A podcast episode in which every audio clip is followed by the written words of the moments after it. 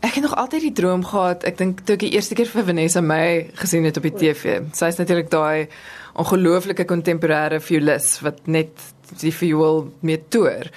Ehm um, en ek was altyd bietjie jaloers en bietjie knorrig omdat ek nou nie 'n viool gespeel het nie in Valley Flight. Ehm um, maar dit het ook iets in my soort van wakker gemaak wat gesê het wel miskien kan mens dit met die fluit ook doen. So dit was vir my altyd nogal 'n droom vandat ek jonk was um, op hoërskool. Ehm um, en toe in my ek dink mid 20s het ek besluit wel ek gaan so 'n groep bymekaar sit wat wel die viool in het en 'n cello en want jy daai moderne instrumente gehad, jy weet die elektriese cello en die elektriese viool. Ehm um, maar gooi die fluit daarbey en dan jy iets iets niets. Ehm um, en dis toe ek Sterling begin het in 2007. Ja, so lank tyd terug. jy jy sê jy vertel my nou oor hierdie jazz, die fluit speel op 'n jazzerige manier. Laat ons hoor hoe dit sou klink.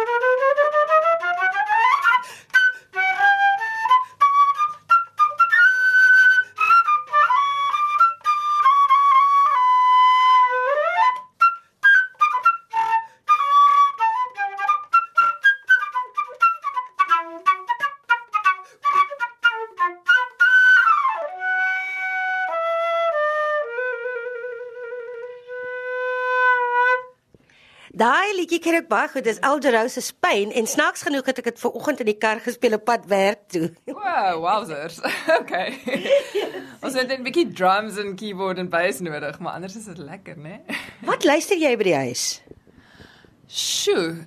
Jy weet ek is eintlik um hoogs geïnspireer deur die elektriese gitaar. Ek is mal oor die elektriese gitaar trouens ek dink ek dink ek speel eintlik elektriese gitaar. Maar die fluit is nogal ehm um, beperk in sy volume en en in sy dinamiek en so en dit is 'n dit is 'n baie klassieke instrument ehm um, intrinsiek. Maar ek luister na musiek wat deur groot instrumente en deur groot stemme gemaak word en dan vergeet ek dat ek die fluit speel en ek verbeel my maar ek doen dit. so ja. op 'n oomblik ek luister baie flamenco musiek, ehm um, Paco de la Chia um Carlos Santana. en ja, ek het um eintlik onlangs 'n nuwe fluit mondstuk gekry wat nogal baie exciting is. Ek het hom nou nie hier vandag nie, sorry. Um ek oefen nog. Maar um dit dit laat jou toe om te kan slides doen basies soos wat 'n uh, um soos wat 'n uh, slide gitaar kan doen. So ja, so die da da da. Ja. Wat baie cool is. So ja, op die oomblik luister ek baie na slide gitaar om 'n bietjie inspirasie te kry. Dis amper soos blues. Ek presies. Ja. ja. Ja, ek moes dit eintlik gebring het, maar ehm um, ek moet nog ja, ek voel nog nie gereed nie. Miskien kan ons weer met jou uh, uh, gesels wanneer jy eers lekker geoefen is met daai gly mondstuk of sure. of wat ook al mense dit noem. Jy het onlangs my vertel dat jy drie kinders na het. Die jongste is 1, die oudste is 9. Drie kinders en jy's getroud met 'n Italianer, baie interessant. Baie interessant inderdaad. Altyd vir die regte redes nou. ja, ek het ehm um, drie kindertjies, twee dogtertjies, 9 en 6 en dan die seentjie wat nou net oor 1 is. Ehm um, so ek is maar besig, ja. Is hulle musikaal? My kinders is verskriklik musikaal. So my oudste dogtertjie speel viool. Ehm um, sy speel vreeslik mooi en sy's baie trots op haar. Sy wen al pryse by die Estate Fits en sy het nou net al graad 1 klaar gemaak.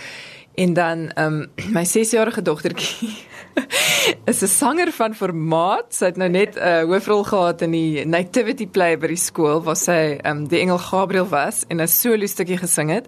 Dit het natuurlik haar lewe heeltemal beheer. Sy het sy was in ekstase. Um die aand van die na die finale dress rehearsal en die volgende dag was nou die die konsert. Was sy skoon depressief want sy het nou besef dit haar oomblik van glorie gaan môre verby wees. Toe sê ek vir dis okay, jy gaan nog oomblikke hê hoop ons, maar sy sê nee, maar dit is mamma jy gig heeltyd en hierdie is nou my enigste gig wat ek nog ooit gehad het. So ek dink ons het daar 'n bietjie van 'n drama queen op hande.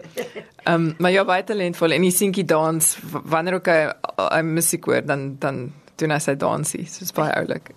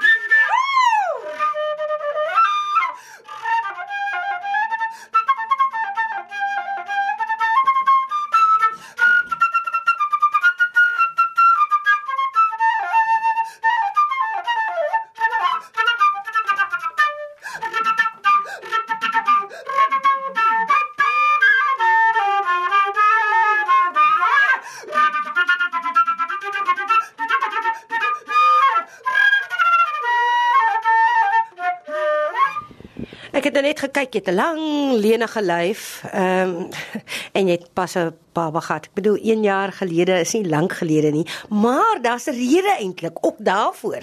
Daai lyf bly ehm um, ge, geoefen, geolie eintlik, sou mens sê, gewater. Uh want jy swem, jy's ook 'n swemmer. Vertel gou 'n bietjie hoe daai begin het want jy het ook al 'n paar Ek weet dit is lang afstand swem, né? Nee? Jy jy het al ver geswem. Verduidelik gou vir ons bietjie.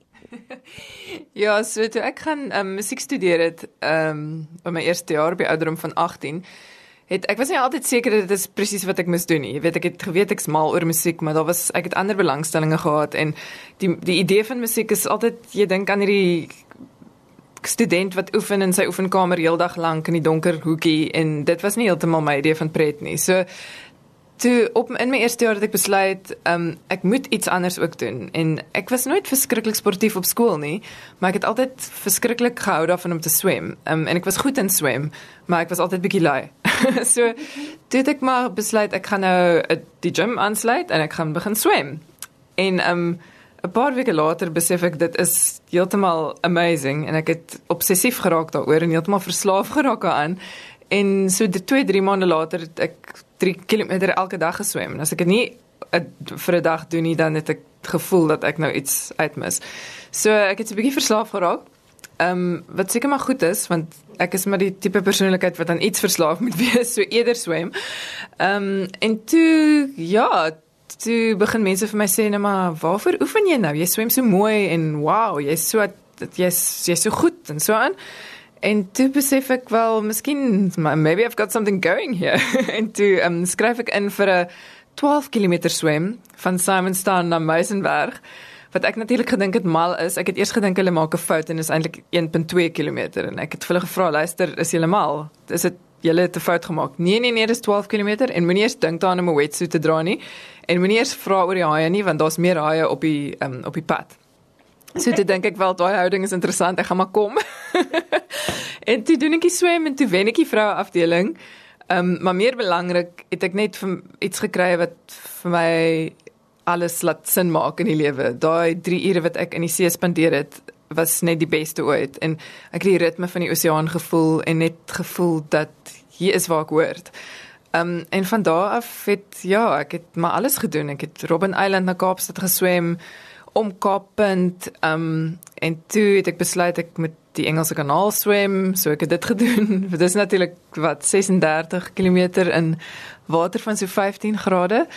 Ehm um, ek het nooit die koue water so baie geniet nie, maar dit was maar net deel van die sport en ek moes maar net daar daarmee vrede maak en ehm um, en oefen daarvoor.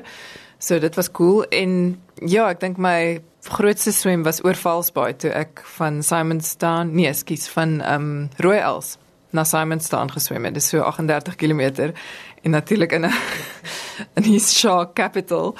Ehm um, maar dis maar net ja, dis dis natuurlik 'n mental challenge. So jy moet net om om in die, die high water te swem is maar net 'n besluit en dis nie asof jy nie voorsorgmaatreëls tref nie. Ek meen die ehm um, boot is reg daar en ons mense wat vir uitkyk en so aan, maar dit is 'n dit is 'n sielkundige uitdaging om dit te kan doen, maar what doesn't kill you makes you stronger en dit is iets wat vir my uitstaan. Ek dink die dag wat ek sterf gaan ek nog self trots wees op myself daaroor en dit ja, dit maak jou net so sterk. So ehm um, so ja, ek is obsessief oor swem. Ek is nog steeds ek swem nou nie oor Valsbaai elke dag meer nie. Daai was 10 jaar gelede. Ehm um, En ek sê ja, ek ek probeer wegbly van water wat te koud is want dit vat nogal vir my rukkie om te um, herstel van hypothermia en met kinders en alles voel ek dis nie heeltemal um verantwoordelik vir my op die oomblik nie, maar ja, so wanneer ons Italië toe gaan, sal ek altyd 'n 25 km swem opsoek of 30 km, dis my gunsteling ding om te doen om net daai 10 ure in die water te spandeer om net jy weet in touch te wees met die natuur en te doen waarvoor ek lief is. En natuurlik help dit verskriklik baie vir die asembeer vir die vlei ook. Wat lê nou voor vir jou? Waarmee is jy besig? Wat gebeur nou met Sterling EQ? Ja, wel Sterling EQ het natuurlik ehm um, sopas ons 10 jaar eh uh, vieringe gevier en ehm um, deel daarvan was was om 'n album vry te stel 10 years of Sterling EQ. So dis basies 'n kompilasie van 20 van ons ehm um, grootste treffers.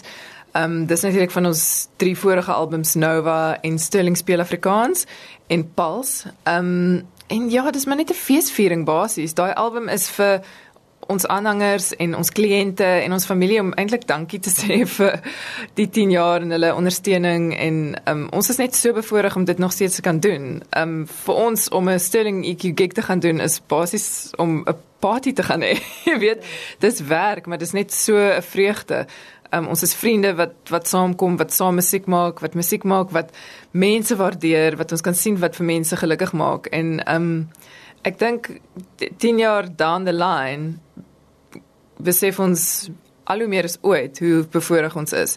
Ek meen as jy terwyl jy bou aan die ding en elke dag of elke week is daar 'n nuwe hoogtepunt, jy jy vergeet half hoe lekker jy is. Ehm um, en jy werk net na die volgende hoogtepunt of die volgende award of wat ook al.